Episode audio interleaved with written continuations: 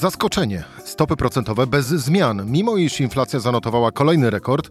Dla przypomnienia jest już na poziomie 17,2%. Rada Polityki Pieniężnej postanowiła nie wykonywać żadnego ruchu. Stopami. Jaki ruch wykona teraz inflacja, a jaki gospodarka? O tym w rozmowie z Grzegorzem Siemienczykiem. Rzecz w tym, że taki był dzień. Cezary Szymanek, zapraszam na codzienny podcast Rzeczpospolitej. Piąty dzień października, środa. Grzegorz Siemiończyk, dział ekonomiczny Rzeczpospolita. Grzegorz, dzień dobry. Kłaniam się. W skali od 0 do 10. 0 yy, w ogóle nie byłem zaskoczony, 10 byłem zaskoczony. To jaką yy, byś dał notę po dzisiejszej decyzji Rady Polityki Pieniężnej? 10 to zaskoczony? Yy, tak. 8. To odzwierciedla proporcje tego, jakie były oczekiwania analityków w ankiecie, którą prowadzę. Mianowicie na 21 zespołów 4, 4 spodziewały się, że stopy się nie zmienią, zostaną na wrześniowym poziomie, chociaż tu jest potrzebne zastrzeżenie. Te prognozy były zbierane przed wstępnym szacunkiem inflacji we wrześniu. Ten szacunek był mocno zaskakujący, inflacja przyspieszyła bardziej niż tego oczekiwano. I po tym szacunku część z tych czterech zespołów, które się spodziewały stabilizacji stóp, zmieniły zdanie, więc no, zaskoczenie jest, ale nie takie totalne.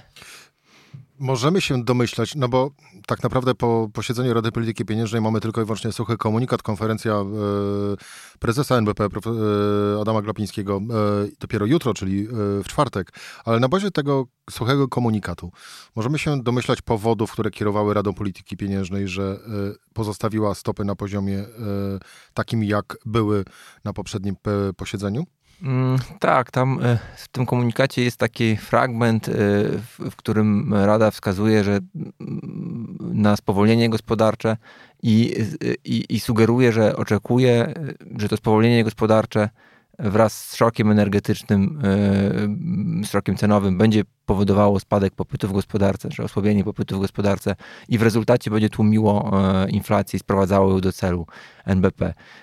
No, w tym świetle to, to, to brzmi trochę tak, jakby Rada uznała, że już dalej stóp procentowych e, podnosić nie trzeba, że to, e, co, co, co można było zrobić, zostało zrobione i teraz ta dotychczasowe zacieśnienie polityki pieniężnej w połączeniu z tym spowolnieniem wykona resztę roboty. No właśnie, mieliśmy tak naprawdę serię 11 podwyżek e, stóp procentowych.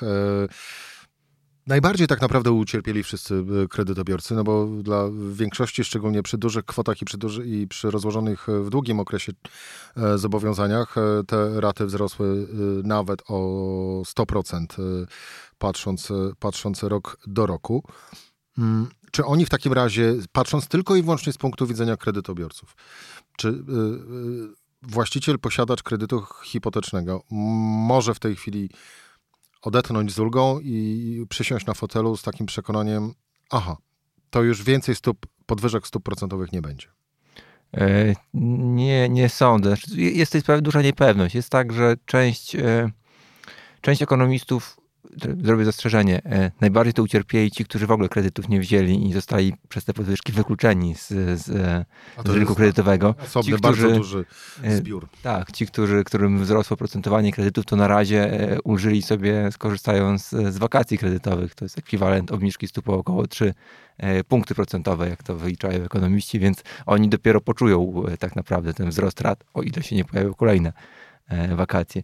Ale wracając do twojego pytania, to to jest tak, że e, nawet gdyby Rada teraz zakończyła, e, gdyby to nie była tylko przerwa w cyklu podwyżek stóp procentowych, a definitywny e, koniec, to może się okazać, że on że, że, że jednak cykl, cykl podwyżek będzie trzeba wznowić na przykład w 2024 roku. To jest bardzo odległy horyzont ale może być tak, że wtedy okoliczności jednak e, zmuszą Radę do dalszego działania. dlaczego to będzie moment. Dlaczego sięgasz do 2024 roku? Dlatego, że to będzie prawdopodobnie ten moment, kiedy rząd e, po wyborach wygasi wszystkie te czynniki regulacyjne, administracyjne, które tu inflację będą obniżały w przyszłym roku, czyli wygasi tarczę antyinflacyjną, jakieś e, mrożenie cen energii, te wszystkie rzeczy się skończą i prawdopodobnie wtedy znowu inflacja wzrośnie i wtedy będzie więcej wiadomo na temat tego, jaki jest trwały komponent tej inflacji. Więc być może wtedy Rada znowu będzie te stopy podnosiła. Natomiast to jest tak odległa perspektywa, a ta inflacja tak bardzo zaskakiwała w ostatnich e, czasach. i sama Rada Polityki Pieniężnej tak bardzo zaskakiwała w ostatnich czasach, że jest to po prostu zupełnie nie, nieprognozowalne. To spróbujmy spojrzeć na kwestie stóp procentowych i walki z inflacją od innej strony. Czy ta dzisiejsza decyzja Rady Polityki Pieniężnej może oznaczać, że Rada, świadoma tego, że mm, rząd, prowadząc swoją politykę fiskalną, będzie y, co miesiąc dosypywał coraz więcej pieniędzy na rynek, de facto Rada stwierdziła, no to właściwie my już nie mamy ruchu, więc zostawmy te stopy te jak są teraz, bo niezależnie od wszystkiego rząd i tak będzie nam robił y, pod górę, a z kolei jak my byśmy dołożyli te stopy jeszcze, no to faktycznie zarżniemy, mówiąc bardzo kolokwialnie, gospodarkę. E, jest w tym coś na rzecz. Ja nie sądzę, żeby e, e, myślenie większości członków Rady było tak wyrafinowane. W sensie tam nie ma zbyt wielu ludzi, którzy teraz czytają jakieś publikacje naukowe. Natomiast to, o czym mówisz, jest dosyć dobrze dosyć dobrze zostało opisane w takim e, artykule, który e, został e, opublikowany w czasie tego sympozjum w Jackson Hole w sierpniu. To jest taki zjazd bankowców centralnych, bardzo prestiżowe wydarzenie. Nie czytałem tego artykułu. No, tam w każdym razie Francesco Bianchi i Leonardo Melosi opublikowali taki artykuł, z którego wynika, że właśnie w sytuacji, kiedy na inflację w dużej mierze wpływ ma e, polityka fiskalna, polityka pieniężna jest nieskuteczna, a mało tego, podwyżki stóp procentowych w takich okolicznościach mogą być szkodliwe. Tok rozumowania był taki, że jeśli e, inwestorzy przestaną spodziewać się, że rozluźnienie polityki fiskalnej jest tymczasowe. Teraz mogą oczekiwać, że jest tymczasowe, ponieważ e, jest spowodowane kryzysem energetycznym. Ale jeśli oni nie będą wierzyli, że on jest tymczasowy, znaczy będą zakładali, że rząd nie będzie w stanie zacieśnić polityki fiskalnej, E, to będą oczekiwali, że inflacja że, że rząd będzie prowadził proinflacyjną e, politykę po to, żeby wyrosnąć z długu. E, I w takiej sytuacji, kiedy inwestorzy nie będą mieli zaufania do polityki fiskalnej rządu, podwyżki stóp procentowych będą wiarygodność rządu jeszcze bardziej podkopywały, bo będą sprawiały, że rządowi będzie jeszcze trudniej ten, e, te, te finanse. No Im większe podwyżki, tak. tym tak na stóp procentowych, tym rząd będzie musiał jeszcze więcej pieniędzy dosypać. To po pierwsze, bo recesja i wyższe koszty obsługi długu. I w tym sensie te podwyżki stóp procentowych byłyby nawet szkodliwe, bo jeszcze by e, powodowały jeszcze większe obawy o stan finansów publicznych. I ciekawe jest to, że my to właśnie widzieliśmy w Wielkiej Brytanii. Tam, e, tam bank centralny został de facto zmuszony do poluzowania polityki pieniężnej poprzez wznowienie skupu obligacji właśnie dlatego, że polityka fiskalna rządu była ekspansywna. Więc jest coś na rzeczy w tym, w tym, w tym, w tym, w tym, w tym co powiedziałeś.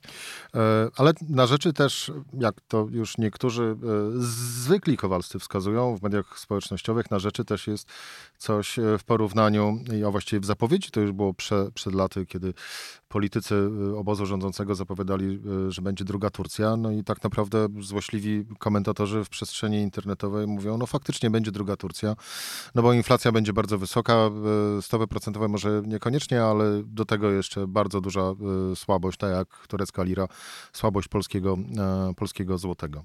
A jest coś na rzeczy? No, tutaj z tą Turcją jest taki problem, że oni, bo tam też rzeczywiście prezydent twierdzi, że podwyżki stóp procentowych są proinflacyjne i nakazał e, bankowi centralnemu, żeby obniżał, e, co ten zrobił i w efekcie rzeczywiście przyspieszenie inflacji jest znaczące. Ale Turcja jednak jest trochę w innej sytuacji i robiła to też w innej sytuacji. E, to, co ja powiedziałem odnosząc się do tego artykułu, to jest to, że chyba też się zmienia trochę konsensus, zmienia się chyba też przekonanie, takie, taki paradygmat na świecie. To znaczy, najpierw z paradygmatu, że właściwie inflacja jest przejściowa, przeszliśmy do e, przekonania, że ona jest bardzo trwała i trzeba gwałtownie zacieśniać politykę pieniężną, a teraz znowu chyba zaczynają dominować takie obawy, że bardzo łatwo z tym przesadzić i że być może te banki centralne się stały trochę zbyt niecierpliwe. To znaczy, my wiemy przecież, że, że podwyżki stóp procentowych działają z opóźnieniem czterech kwartałów minimum, najczęściej z opóźnieniem sześciu, ośmiu kwartałów, a to znaczy, że żadna z podwyżek stóp, których dokonał Narodowy Bank Polski na razie jeszcze nie miała szansy się no, uwidocznić na dobre w danych. Ta pierwsza, która była w październiku 2020 tak która, była, która była tylko jakąś normalizacją, a nie podwyżką właściwie. Więc patrząc z tej perspektywy, można założyć, że zrobienie sobie pauzy w cyklu podwyżek nie jest teraz nierozsądne i niekoniecznie musi doprowadzić do osłabienia złotego. Y, to, że dzisiaj po tej decyzji Rady złoty jakoś panicznie się nie osłabił, być może wynika właśnie z tego, że na rynkach finansowych też jest dużo obaw o recesję i te, ta recesja jest teraz groźniejsza niż inflacja, tak się przynajmniej wydaje. Natomiast y, kłopotem mogło być to, jeśli jutro w czwartek prezes Glapiński oświadczy, że to jest definitywny koniec cyklu i co by się nie działo, to stopy nie drgną. To pewnie byłby problem. Problem przez chyba pisane nawet wielką literą tak naprawdę, bo aż nie chcę sobie wyobrażać, jak wtedy mogłyby rzeczywiście zareagować rynki finansowe i jaka mogłaby być kondycja, jak słaba kondycja, kondycja zło, złotego. Mm, przejdźmy teraz jeszcze, Grzegorz, do, do samej inflacji, czyli do tego, z czym de facto Rada Polityki Pieniężnej jako w tym głównym celu działania powinna, powinna walczyć. 17,2% ten wstępny odczyt e, za, e, za wrzesień. Mm, ja obstawiam, że będzie, jak już będzie ten pełen odczyt, to będzie więcej. Dobijemy pewnie do jakichś 17,5%.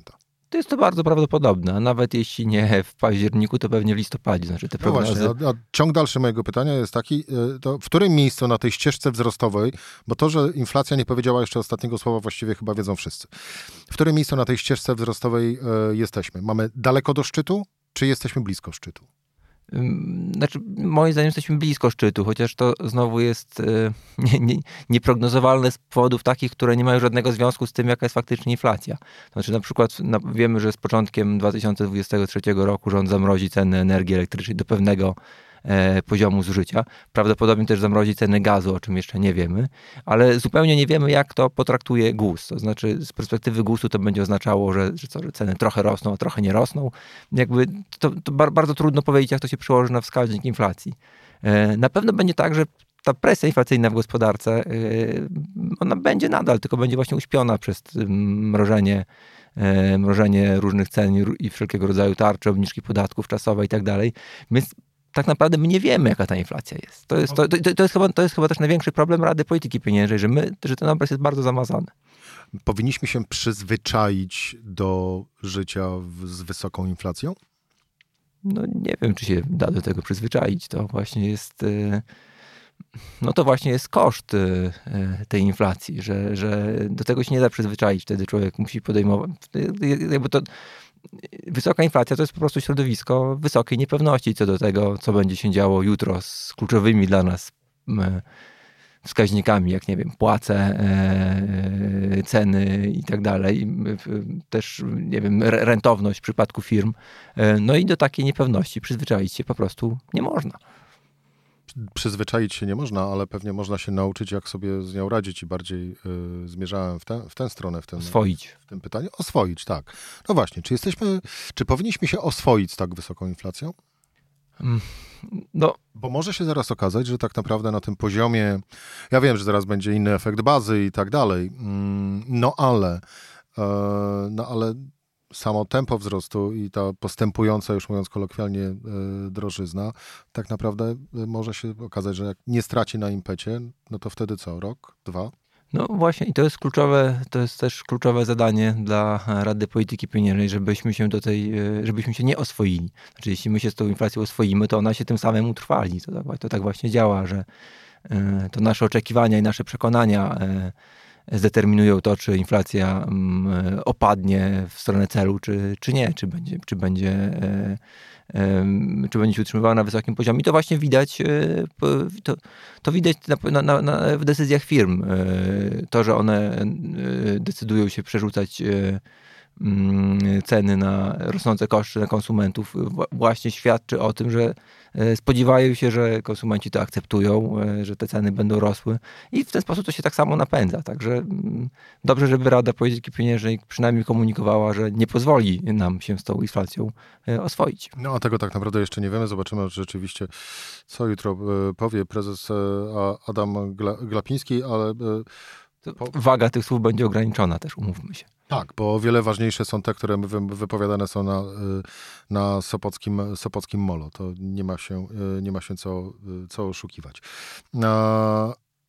Dalej, bo mówiło się również, to w okolicach poprzedniego posiedzenia Rady Polityki Pieniężnej, gdzie była decyzja o podwyżce do poziomu 6,75, ale mówiło się wtedy mm, w połączeniu z inflacją za sierpień, czyli 16, ponad 16%. 16,1. 16,1. To wtedy mówiło się, że stopy procentowe jest wielce prawdopodobne i to nawet sami członkowie Rady Polityki Pieniężnej przyznawali, że stopy procentowe powinny się znaleźć w okolicach 10%. No i rodzi się znowuż pytanie. Inflacja, y, będę do tego wracał jednak trochę uparcie, ale inflacja ponad 17%, stopy procentowe bez zmian. No więc wśród ekonomistów jest takie powiedzenie wait and see, e, czyli poczekać i zobaczyć, co się dalej wydarzy. I, część z nich rzeczywiście mówi, że wygląda na to, jakby Rada Polityki Pieniężnej przyjęła takie właśnie podejście do, e, do sytuacji w gospodarce. Mm, no ale, no właśnie, tak jak mówiłeś przed chwilą, zbyt długo siedzieć nie może, czekać, no bo no właśnie, bo się przyzwyczajimy o swoim wysoką inflację. No, w listopadzie będzie miała, znaczy, tak, w tym komunikacie po dzisiejszym posiedzeniu tam jest furtka e, otwarta do kolejnych podwyżek. Jest tam napisane wyraźnie, że e, kolejne decyzje będą uzależnione od danych. E, I to należy rozumieć tak, że to będzie uzależnione od tego, co pokażą listopadowe prognozy e, Departamentu Analiz i Badań Ekonomicznych Narodowego Banku Polskiego, tak zwana projekcja. E, jeśli ta projekcja e, pokaże, że inflacja, ścieżka inflacji będzie znacznie wyżej niż, ta, niż w prognozach z lipca poprzednich, e, to Rada Polityki Pieniężnej pewnie będzie nadal podnosiła stopy procentowe i mało tego, to będzie dobry pretekst dla prezesa Glapińskiego, żeby się wycofać z tych deklaracji, że to już jest koniec cyklu, ponieważ on jednak to mówił warunkowo, znaczy on rzeczywiście to często jest w tle, ale on jednak podkreśla, że, że, że, że to, co on mówi, to jest uzależnione od tego, czy się będzie realizował ten scenariusz inflacyjny, którego on oczekuje, a on oczekuje takiego, którego oczekują ekonomiści z Narodowego Banku Polskiego. E, więc krótko mówiąc, e, w listopadzie niewykluczone, że znowu e, podwyżki będą e, kontynuowane. To na koniec jeszcze. Yy... Ale chciałbym jeszcze powiedzieć jedną rzecz o, o tych, o tych o, bo, bo, bo, powiedziałeś o tym, że, że, że stopa e, nie wzrosła, wzrosła inflacja, jakby sugerując, że spadła e, realna stopa procentowa. Mm, I, i, i, te, i, te, I te argumenty niektórych członków Rady, głównie Ludzika Koteckiego, że stopa procentowa mogłaby dojść do 10%, hmm. one właśnie wychodziły z takiego przekonania, że stopa procentowa powinna być dodat, dodatnia w ujęciu realnym przy czym e, liczy się nie inflacja bieżąca, a, e, a oczekiwana inflacja. No i to by wychodziło, że przy 10% i prognozach inflacji około 10% w przyszłym roku, wtedy stopa realna byłaby blisko zera. No ale tu można sobie zadać takie pytanie, czy y, ta realna stopa rzeczywiście ma takie znaczenie. Znaczy my jednak, y, my jako konsumenci, jako uczestnicy życia gospodarczego, Mm, ulegamy tak zwanej iluzji nominału. Dla nas jednak znaczenie mają nominalne stopy procentowe. Gdyby tak nie było, to przecież przy tych 13, e, minus 13% e, realnej stopy procentowej powinniśmy masowo zaciągać kredyty. Jakoś tego nie robimy. No właśnie. To jeszcze e, jedno moje podsumowanie. I jak skoro zaczęliśmy takim wyborem w skali od 0 do 10, to teraz poproszę Cię o takie stwierdzenie prawda czy fałsz. E, Rada Polityki Pieniężnej rozłożyła ręce w, obliczu tego, że rząd dosypuje pieniądze do gospodarki. Prawda. Grzegorz Siemianczyk, dziennikarz ekonomiczny Rzeczpospolitej. Dziękuję Ci bardzo za rozmowę. Dziękuję. To była rzecz w tym e, w środę. Cezary Szymanek. Do usłyszenia jutro o tej samej porze. Serdeczności.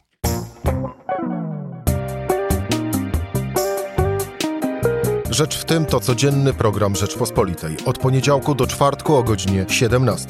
Słuchaj na stronie podcasty.rp.pl. Włącz Rzecz w tym w serwisie streamingowym.